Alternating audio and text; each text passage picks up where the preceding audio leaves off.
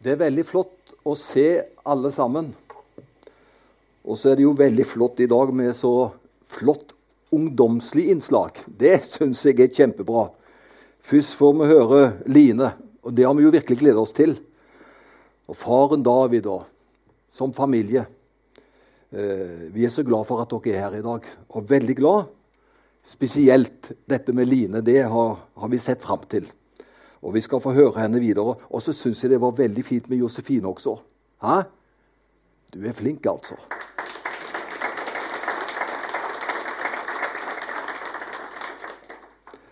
Og så er vi samla. Det er bra. Og så skjønner dere, og det må vi nok bare si for, eh, for tiden framover Håper ikke det blir en sånn demper, men at vi bare er forberedt. Vi må kle oss godt til gudstjenesten herefter.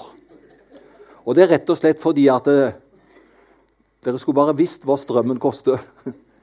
eh, og i Den norske kirke Vi ligger to grader over Den norske kirke, for de ligger på 14 grader. Vi ligger på 16 grader. Så, så, så det, det er iallfall ikke verre. Men alle tar jo høyde for og tar konsekvensen av at det er, er alvorlige priser. Og da er det bare én ting vi må gjøre. Altså, Det er jo noen som fortsatt kommer kortarma. Ikke sant, Siv? Det er noen som fortsatt gjør det. Men eh, jeg skal bare si det neste søndag, så er vi enda bedre forberedt. Men jeg bare sier det sånn. sånt dessverre. En periode så blir det sånn. Og så må vi bare kle oss godt. Og jeg ser jo at vår uh, styreleder har allerede gjort det. han er i boblejakke her, det er bra. Så han visste jo om dette. her. Men, uh, men vi skal overleve, og, og, jeg har jo det ikke med å tale lange taler. Og, og det, det, skal jeg heller ikke gjøre nå, for jeg skal ikke, jeg skal ikke teste deres tålmodighet. Jeg skal gå nokså rett på sak, og så skal jeg tale over en egentlig litt sånn en eh, Ja, det var ikke den beste teksten i dag. Men eh, jeg har sagt at jeg tar den fordi det er rett og slett det som er søndagens tekst, som ble lest av Bente. Og jeg har kalt talen min for 'likegyldighetens farlige konsekvenser'. Fordi eh, hvis vi hørte godt efter, så var det en likegyldighet hos de folka som Jesus siterer til. Likegyldige, øynene lukka, og de har også hånda før munnen. Altså, Da er det snakk om, ikke sant? Jeg skal ikke se noe her. Ikke sant? Øynene er lukka, og jeg skal ikke si noe. Jeg skal være helt i min egen verden. Jeg skal ikke være aktiv og bidra på en positiv måte. Jeg velger heller likegyldighet. Og Derfor har jeg ta, kalt talen for likegyldighetens farlige konsekvenser. Du har sikkert hørt eh, det utsagnet Hva er motsatt av kjærlighet. Og Da ligger det så på tunga for oss at det, ja, motsatt av kjærlighet, det må være hat. Det er liksom andre ytterpunkten av kjærlighet. Det må være hat. Men Eli Wiesel, han som var født i Romania Han hadde jødiske røtter. Han ble forfatter, filosof og politisk aktivist, som selv opplevde kreftene fra konsentrasjonsleirene under annen verdenskrig. Han har sagt følgende Det motsatte av kjærlighet er ikke hat. Det er likegyldighet. Og han har så rett, og det er mange som har tatt tak i det utsagnet og brukt det. Fordi det stemmer jo sånn. Det er ikke så stygt, på en måte, for det som vi tror er det styggeste av alt, det er hat. Og det er det jo. Det er ingenting som er verre enn hat. Men det er noe som kan ha like sterk virke. Det kan få like sterk konsekvenser i våre handlinger. Det er om vi blir likegyldige. For da er det en slags apati. Da er det en snakk at vi ser oss på en måte til en annen side, og vi gjør noe ikke med situasjonen. Vi velger taushet. Og Det var det som jødefolket opplevde under annen verdenskrig.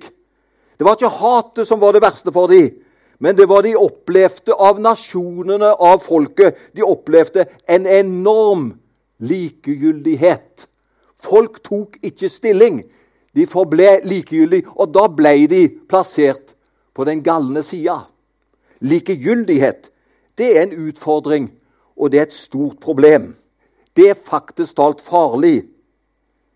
Og likegyldighet Du skal ikke, du skal ikke på en måte, du skal ikke være lenge menneske før du opplever at likegyldighet det er noe som er livsfarlig. Bare tenk deg et barn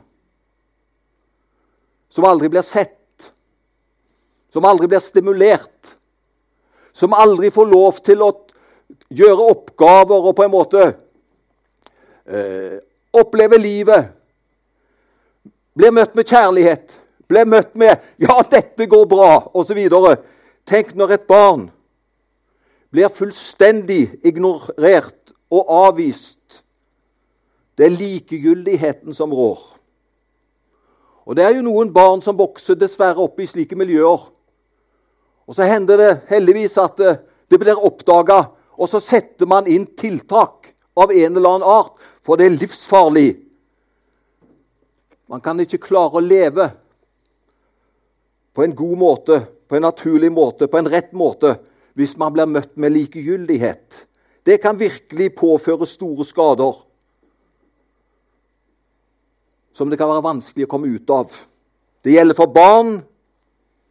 Det gjelder også når vi blir voksne. Tenk bare i en relasjon.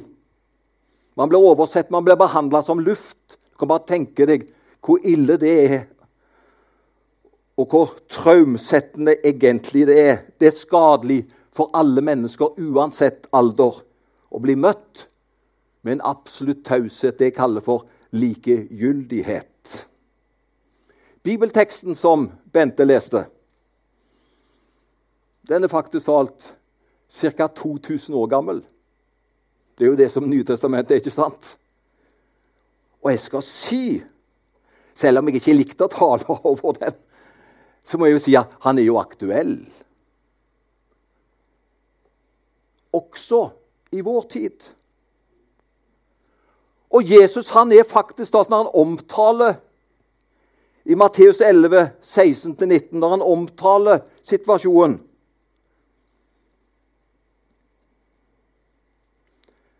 Så er han bedrøvet. Han er bedrøvet over menneskenes likegyldighet og mangel på respons. Ja, La meg bare ta dette med respons. Har du stilt deg fram og gjort noe, og du har fått null respons? Jeg mener, det, det er ikke bra. Og Det kan jo du vite litt når man taler også. Det er veldig bra å gi litt respons. For tenk hvor tungt det er hvis du synger, hvis du sier noe, og så er det nesten som du taler til levende døde. Du vet ikke hvordan de tok imot det, du vet ikke hvordan de tenkte. For de gav ingen respons. Og så er det jo herlig når man kan se at det, ja, det var, det var i hvert fall et bitte lite smil. Det var jo et bitte lite nikk. Og så ser vi ja, de er til stede. Jeg tror vi kan oppøve oss litt til å gi litt respons i alle settinger. Det gjør godt. Mangel på respons, det er det Jesus omtaler i dagens tekst. Han sier nesten som at de er apatiske. For ham virket det Og nå omtaler jeg det på min måte, for Jesus han bruker eksempler på De spilte på fløyte, ikke sant? men de ville ikke danse. De spilte motsatt sorgetoner, og de ville ikke gråte. Altså det var Uansett hva som ble gjort, om det var det lystige eller det mer alvorsbetonte, det var like dødt. Det var ingen reaksjon uansett. Kan jeg få bruke et annet eksempel for å illustrere det samme? En gruppe sa til en annen 'Kom igjen, vi leker bryllup'. Og de andre sa 'Vi har ikke lyst til å være glade i dag'. Så sa den første gruppen, for han fikk jo ingen respons. 'Greit, kom da, så leker vi begravelse'. Og de andre sa Nei, vi har ikke lyst til å være triste i dag. Uansett hva som ble foreslått, så fant de feil ved det. Og det er det som er poenget på talen. Uansett hva som ble foreslått, enten det var lystelig fløytespill eller det var mer den sørgelige sangen, det var null respons.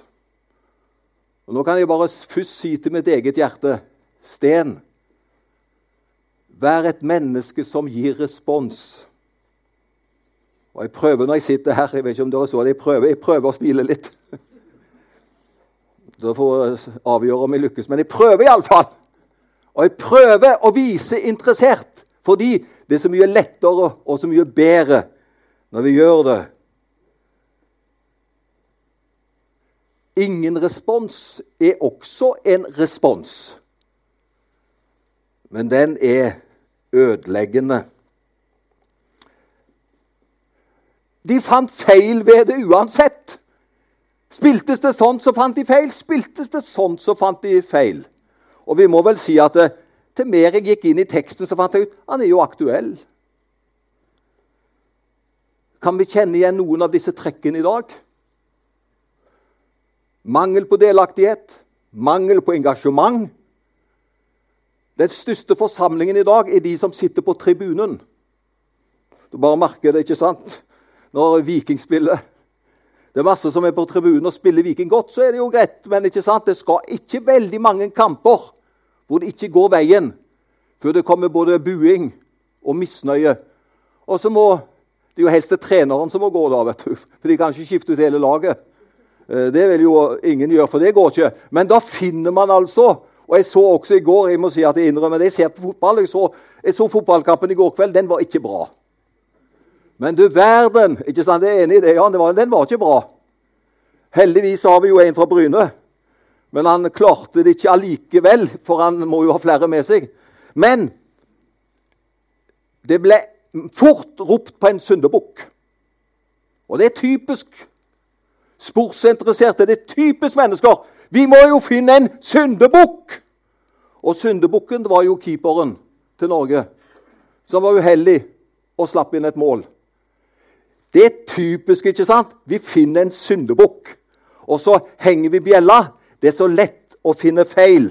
Det er lett å kjenne igjen trekka i dagens tekst. Ja, de synger falskt. Det er for lite engasjement. Og så sitter vi og vurderer med det og så er det enten det er den tonen eller den tonen, så finner vi feil. Og Nå skal du høre, nå går jeg videre inn i teksten. Det er to personer her som blir utsatt for kritikk. Det er Johannes, og så er det Jesus. Jeg syns det er nesten trist. Tenk, de kritiserte Jesus også. Jeg, mener, jeg, jeg kan jo forstå at de kunne kritisere Johannes, for Johannes var en original. Men det som var enda tristere De kritiserte jo Jesus også. Og der sier Jesus Johannes, han kom. Og han forkynte et radikalt budskap om at mennesker skulle omvende seg. ikke sant? Og han søkte ikke til byene. Han var ute i ørkenen, i ødemarka. Og og det var jo ikke hans skyld at folket kom til han, for Johannes oppsøkte ikke folket. Det var folket som kom til han. Hvorfor kommer de? For de hadde et behov. De hadde en lengsel. Det var noe som måtte skje i deres liv. Derfor oppsøkte de døperen Johannes. Og vet du hva? Det var mange som reiste langt. Og du skjønner, Er behovene store nok, så kan en søring reise helt opp til Snåsamannen nå er jo han død, da. Men det var mange som reiste mil efter mil hvis de bare øynet et håp om en forandring. Da kan man reise, for man har et behov. Man er desperat. Og så reiser man i håp om at det skal skje noe med oss. Og slik var det med døperen Johannes. Han var på en måte som en slags magnet. Og de reiste i strømmer. De kom fra byene. Og Så kommer de langt ut på landet, helt ut på bygda, ut i ødemarken. Der er Johannes. Og så står det at de bekjente sine synder. Og så ble de døpt i hopetall. Og til og med Jesus, du, kom en dag ut til døperen Johannes.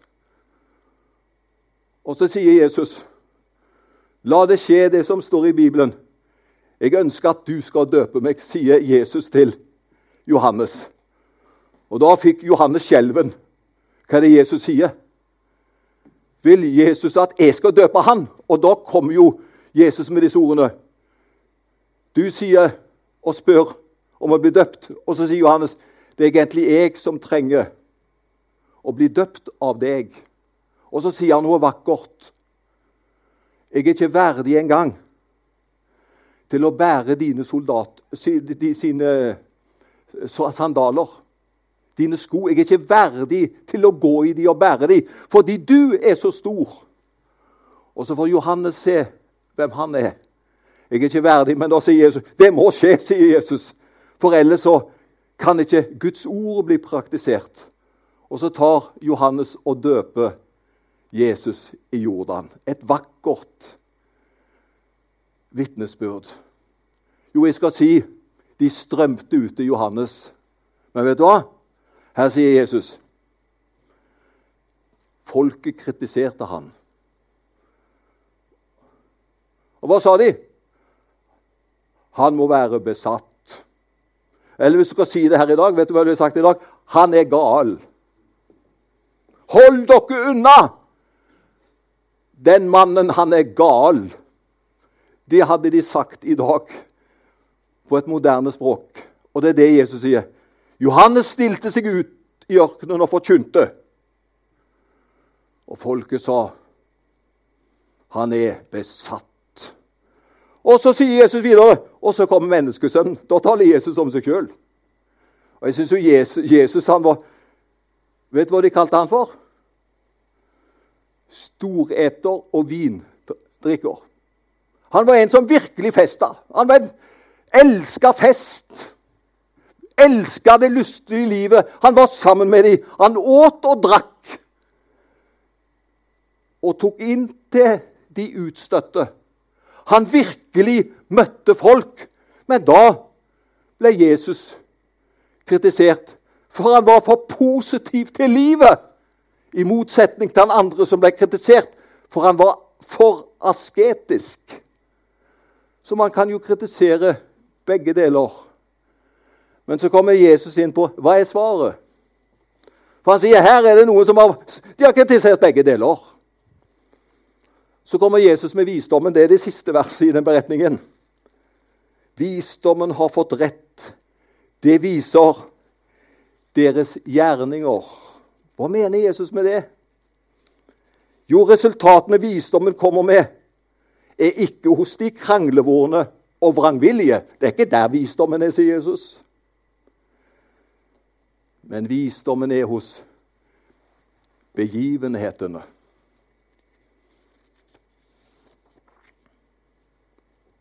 Jødene kunne kritisere Johannes for isolasjonen hans.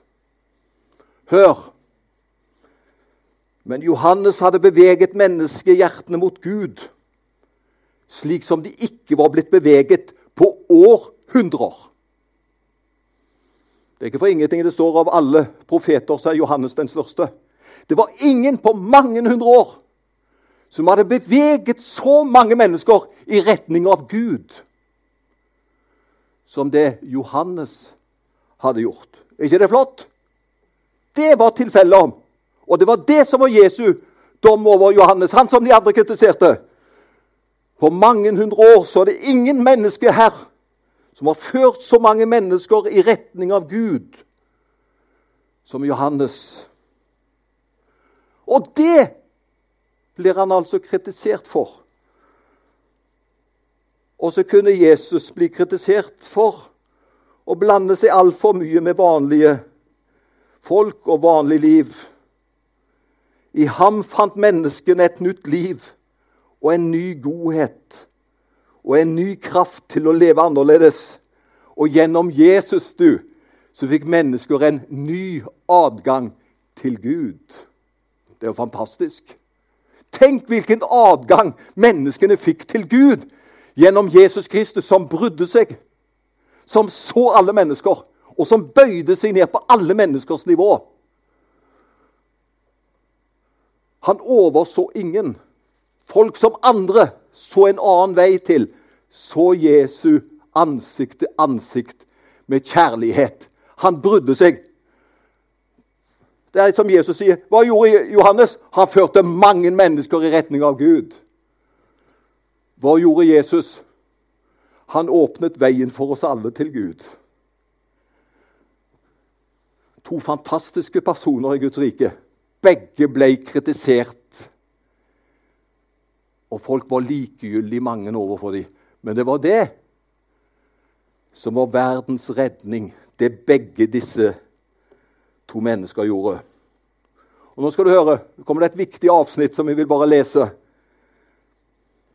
Den som dømmer mennesker og menigheter efter sine egne meninger og stahet, opererer ikke i Jesu ånd, men de heller med å skade Guds verk. Skal si det en gang til. Skal jeg si litt til også? Den som dømmer mennesker og menigheter etter egne meninger og stahet, opererer ikke i Jesu ånd, men heller skader Guds sak. Den som følger Jesu eksempel, hør, fører menneskene nærmere Gud. Selv om metodene skulle være annerledes enn de som passer meg. Det er ikke alle metoder og alle stiler som er min stil og min smak. Men vet du hva? Vi må da være så store at blir mennesker ført nærmere Gud, så gleder vi oss. Får ungdommen møte Gud, om det er på den måten eller den måten, da gleder vi oss. Og det må være det som ligger i bunnen, og det som er hensikten med talen i dag, skriftord i dag. Det er det det dreier seg om. Det å føre mennesker nærmere Gud. Det er det vi er kalt til. Og så skal vi heie på de som gjør det. Og så skal vi tilrettelegge for Guds gode gjerninger. Da betyr jo din og min smak mindre. Men tenk når mennesker kommer nærmere Gud og får oppleve Han. Det er det som er drømmen. Det er det som er lengselen og vår alles ønske. Kan vi ta dette med oss som en liten utfordring? Altså ikke likegyldighet, men engasjement. Og ikke minst for de unge og for mennesker. At vi kan leve på en slik måte at vi hjelper dem og dytter dem i retning av Gud. Ikke sant? Dytter dem i retning av Gud, så de kan få et mer og mer personlig forhold til Han. Det er det det dreier seg om.